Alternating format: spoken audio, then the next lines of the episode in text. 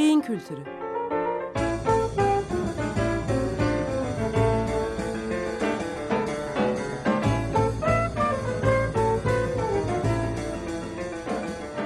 Tarihten, sanattan ve edebiyattan örneklerle beyin.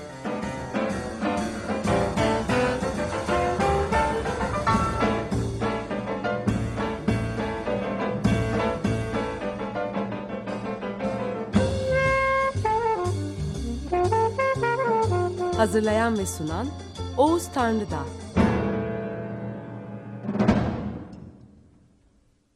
Merhabalar efendim. Beyin Kültürü programına hoş geldiniz. Ben Oğuz Tanrıdağ. Bugün 18 Ocak 2016 Pazartesi. Geçen programı izleyen eee, arkadaşlar dikkat işlevinin açımlamasına başladığımı ve bu konuda bilinçle ilgili önemli bir popüler bilim kitabı olan Bilinç Kullanım Kılavuzu Metis yayınları Adam Zaman kitabından başlayarak bilincin içinde dikkatin ne kadar önemli bir rol oynadığını örneklemeye çalışmıştım. Programın sonunda da bilincin zihin ve beyinle ilişkilendirilmesi işini bu haftaya bırakmıştım. Ve dolayısıyla bıraktığım yerden devam etmek istiyorum. Dikkat işlevinin bilinç ve uyanıklık zemininde, zihinde ve beyinde nasıl or- organize olduğunu ve işlediğini görebilmek, beyindeki araştırma verilerine bakmakla ancak mümkün olabilir. Bu organizasyona baktığımız zaman karşımıza çıkan ilk şey dikkat denilen işlevin örneğin dil gibi veya başka diğer işlevler gibi e, beynin iki yarısından birinin e, daha çok sorumluluk almasıyla ortaya konabilen bir işlev olduğunu görmektir. Dil işlevlerinde örneğin sol beyin baskın olduğu halde dikkatte ise sağ beyin baskınlığı vardır. Bunu telkin eden araştırmalara şöyle baktığımızda örneğin Mesulen ve arkadaşları 1976'da Gard ve arkadaşları 1979'da Feeley ve arkadaşları 1982'de Perutka ve arkadaşları ise 1982'de bu konuyu araştırmışlar ve bu konuyla ilgili araştırma sonuçları eee, hemen daima sağ beynin dikkat ve uyan- uyanıklıkta daha ön planda olduğunu, daha baskın olduğunu göstermiştir. Yine Anzola ve arkadaşlarının 1976'da yayınlanan eee, makalelerine göre gövdeye gelen uyaranlara gövdeye gelen uyaranlara sol elin tepki süresi sağ elin tepki süresinden daha kısadır. Bunun nedeni sol elin bağlı olduğu sağ beynin erken bir reaksiyon içine girmesi olarak açıklanmıştır. Benzer biçimde Diamond 1976'da eee sağ beyin ve uyanıklık ilişkisinin daha etkin olduğunu ortaya koymuştur. Heilman ve arkadaşları 1976'da ve Morrow ve arkadaşları 1981'de sağ beyin hastalarının aynı büyüklükte sol beyin hastalarına göre daha az fizyolojik uyarılma gösterdiklerini söylemişlerdir. Yani bir e, beyinde etkilenme yaratan bir e, hastalık etkisi, e, bir hasar e, aynı büyüklükte olsun. Sağ beyinde ve sol beyinde aynı büyüklükte olsun. Sağ beyin hastalarının daha az ve gecikmiş bir fizyolojik uyarılma gösterdiklerini e, söylüyorlar. Bu da normalde sağ beynin dikkatte daha alert, daha ön planda olduğunu ve etkilendiği zaman da bunun bir gecikmeyle sonuçlandığını söylemektir. Sağ beynin baskın olduğu dikkat sistemi içinde dikkat her beyin şebekesi ve işlevi için sol beyindeki benzerlerine oranla daha aktif. Yani dikkat sistemindeki sağ sol farkı aşağıdan yukarı doğru çıktıkça yani sinir sisteminde ve beyinde alt yapılardan üst yapılara doğru çıktıkça daha da fazla belirginleşir. Çünkü alt yapılar daha çok genel bir bilinçle ilgilidir. Bilinçlik haliyle ilgilidir. Üst yapılar ise artık bilincin sağlama alındığı altyapıların beraberliğinde dikkat e, verilecek, dikkat yönlendirilecek, uyaranlara serbest gidişler sağlayabilirler. Ve dolayısıyla sağ sol farkı bu e, üst merkezlerde daha şeydir, belirgindir alt merkezlere nazaran. Dikkatin ne tür bir işlev olduğunu anlayabilmek için diğer beyin işlevleriyle de karşılaştırmanın faydası olacağına inanıyorum. Daha önce demiştim ki dikkatin yönlendirilebilmesi için herhangi bir şeyin üzerinde dikkat sarf edilebilmesi için kişinin bilinçli ve uyanık olması gerekir. Bu temel bir şarttır. Eğer bilinç bulanıksa ve uyanıklık etkilenmişse zaten en başta etkilenecek olan işlev dikkat işlevidir. Ve dikkat bozukluğu o zaman kendi başına değil, bilinç bozukluğunun bir türevi olarak, bir yansıması olarak karşımıza çıkar. Doğrudur. Bilinci bulutlandıran, bilinci bulandıran hangi neden olursa olsun, ister bir beyin hastalığı olsun, bir kafa travması olabilir, bir uyuşturucu olabilir, alkol olabilir, başka bir ilacın etkisi olabilir, aynı şeyle sonuçlanır bu açıdan. Yani e, dikkatin zayıflamasıyla sonuçlanır. Dikkatin beyindeki organizasyonundaki en üst merkez ön lob dediğimiz frontal lobun ön bölümüdür. Frontal lobun ön bölümü çok kritik bir beyin bölümüdür. Kimlikle, kişilikle e, ilgili e, bilgilerimiz, öz kimliksel bilgilerimiz buradadır. Ve aynı zamanda bu bölgedeki bir alt bölge yani içeriğindeki bir özel bölge ise dikkatin sürdürülmesinden sorumludur. Dolayısıyla bu bölgenin normal çalışması gerekir. Dikkatin herhangi bir şekilde bir uyarana doğru yönlendirilmesinde.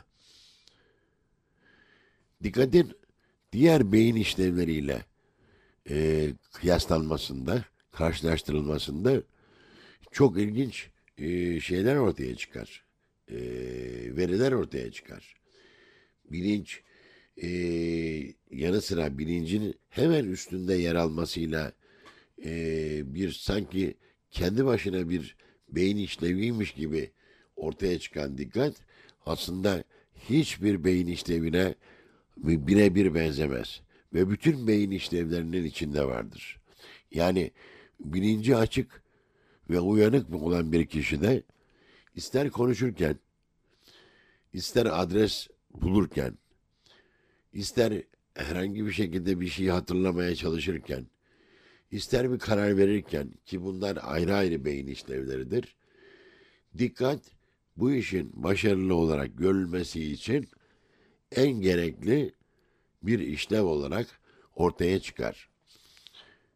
Beyindeki işlevsel şebekeleri işlevsel trafoları beş ana bölümde toplarsak ki bunlar karar e, şebekesi, dil şebekesi, bellek ve duygulanma, duygulanım şebekesi, e, tanıma şebekesi ve navigasyon dediğimiz yer yön şebekesi olarak sağlı sollu dağılır. Ve bu beş şebekenin içinde de dikkat hayati bir işlev olarak yer alır. Örnekler vermeye çalışalım. Örneğin herhangi bir konuda herhangi bir konuda konuşurken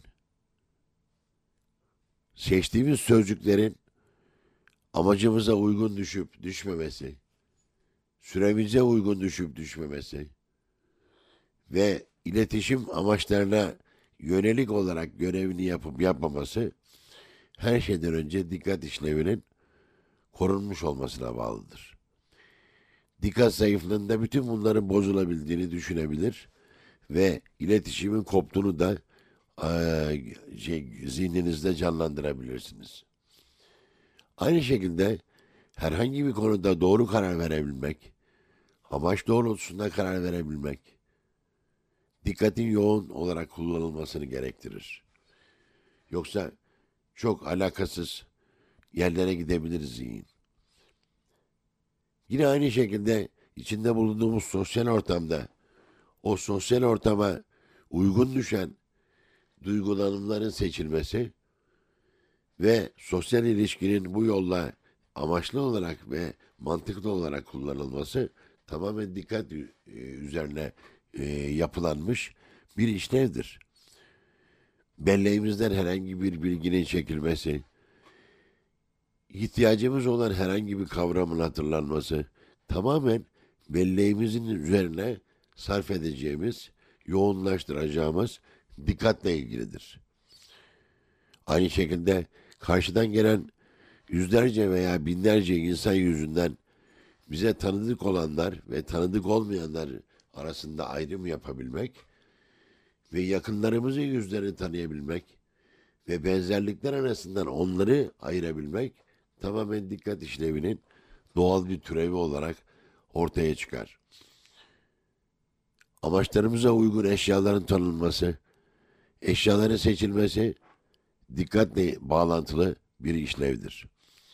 Aynı şekilde görsel mekansal dediğimiz yer yön bilgisi ya da navigasyon bilgisi ister bir arabanın içinde olalım, ister bir uçağın penceresinden bakalım, isterse yürüyerek bir isterse de bir yürüyerek bir adres arayalım. Tamamen dikkatle şekillenen bir işlevdir. Dolayısıyla bu saydığım beş ana beyin çalışma e, biçiminde dikkat bilincin açıklığı koşulunda ikinci planda rastlanan en önemli işlevdir. Dolayısıyla e, bu işlevlerde hayati bir rol oynar. Biraz daha ayrıntıya girmemiz gerekirse, örneğin dikkatin kararlarımıza etkisi, dikkatin karar verme yet yetimize ve yetinem yeteneğimize etkisi. Bu şebeke aslında üç görev doğrultusunda uzmanlaşmıştır. Bunlar rasyonel, matematiksel kararlar oluşturma yönünde olan görev, duyguların sosyal davranış içeriğinde sunulmasını, tutulmasını sağlayan duygu durumsal kontrol görevi ve dikkatin sürekliliğini sağlama görevi. Ve bu üç görev ön lobun ön bölümü tarafından paylaşılmıştır. Hangisi olursa olsun dikkat gerekli desteği sağlamadığı sürece gerekli destek e, dikkat tarafından tamamlanmadığı sürece bu yürütücü şebeke dediğimiz bu önemli şebekenin işlemlerini yap- yapması ve sonuçlandırması söz konusu değildir. Dikkatin dil işlevlerine önemli katkıları vardır. Dil şebekesi bildiğiniz gibi sözlü ve yazılı iletişim konusunda uzmanlaşmıştır ve etkinlik alanında konuşma, anlama, tekrarlama, isimlendirme, okuma ve yazma işlevleri bulunur. Burada sayılan iletişim türleri için dikkat hayati rol taşır. Örneğin dikkatin olmaması ya da bozulmaması durumunda konuşma içinde gramer, e, vokabüler ve semantik yanlışlar yapılır.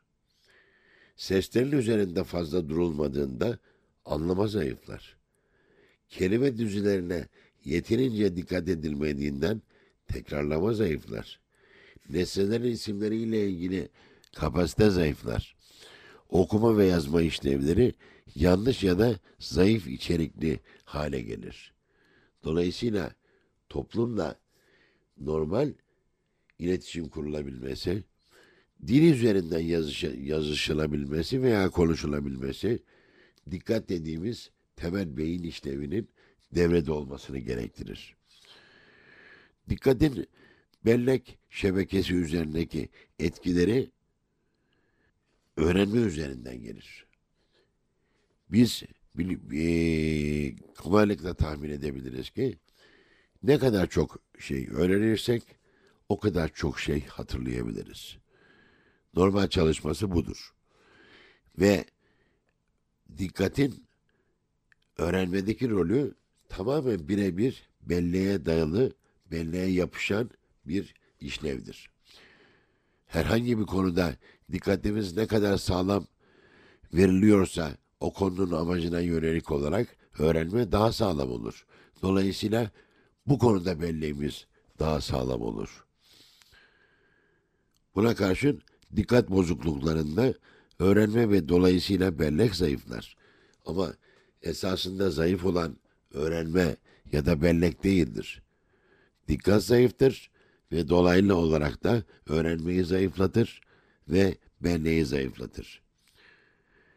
Duygu durumsal e, hallerimiz iç dünyanın duyguları ve eğilimlerinin dış dünyanın uyaranlarıyla birlikte ve uygun ortaya konulmasıyla sağlıklı biçimde çalışır. Dikkat olmaksızın bu denge de bozulur.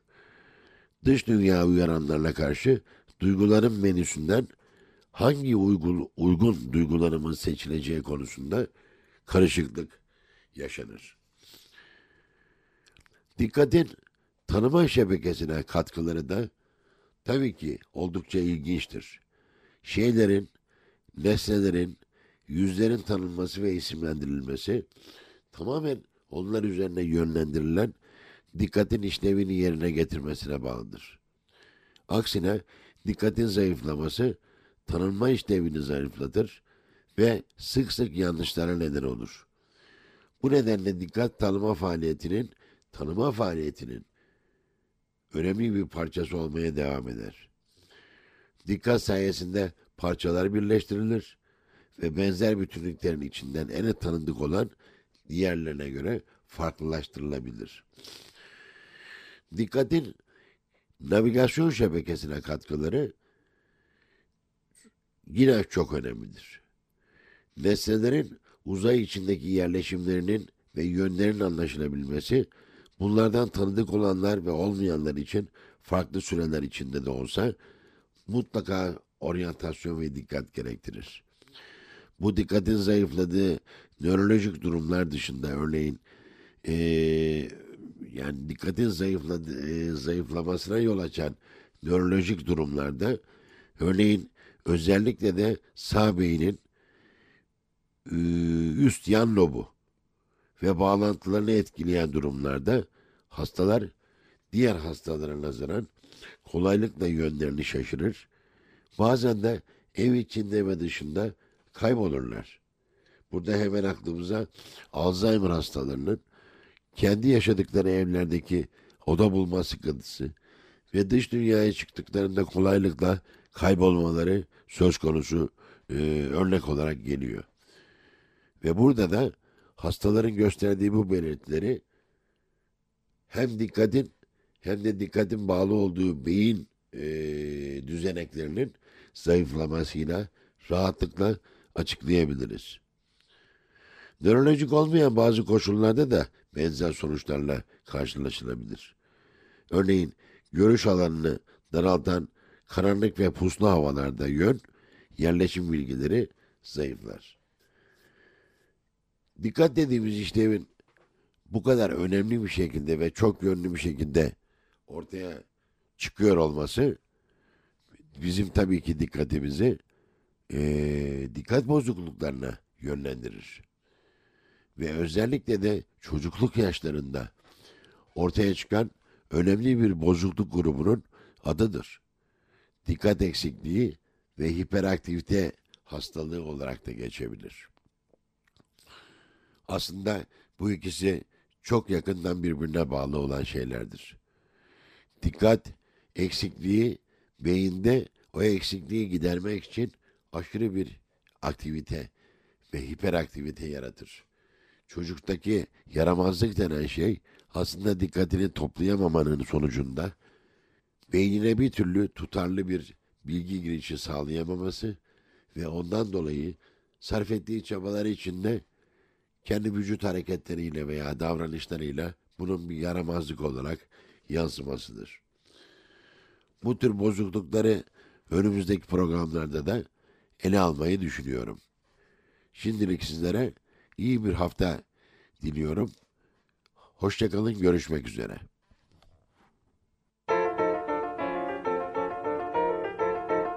Beyin Kültürü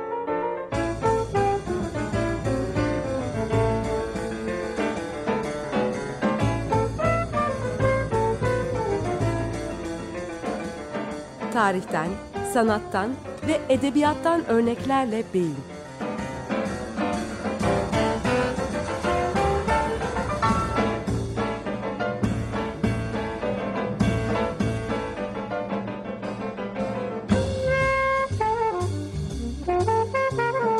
Hazırlayan ve sunan Oğuz Tanrıdağ.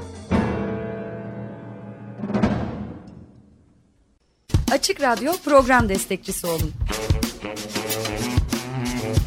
Bir veya daha fazla programa destek olmak için 212 alan koduyla 343 41 41.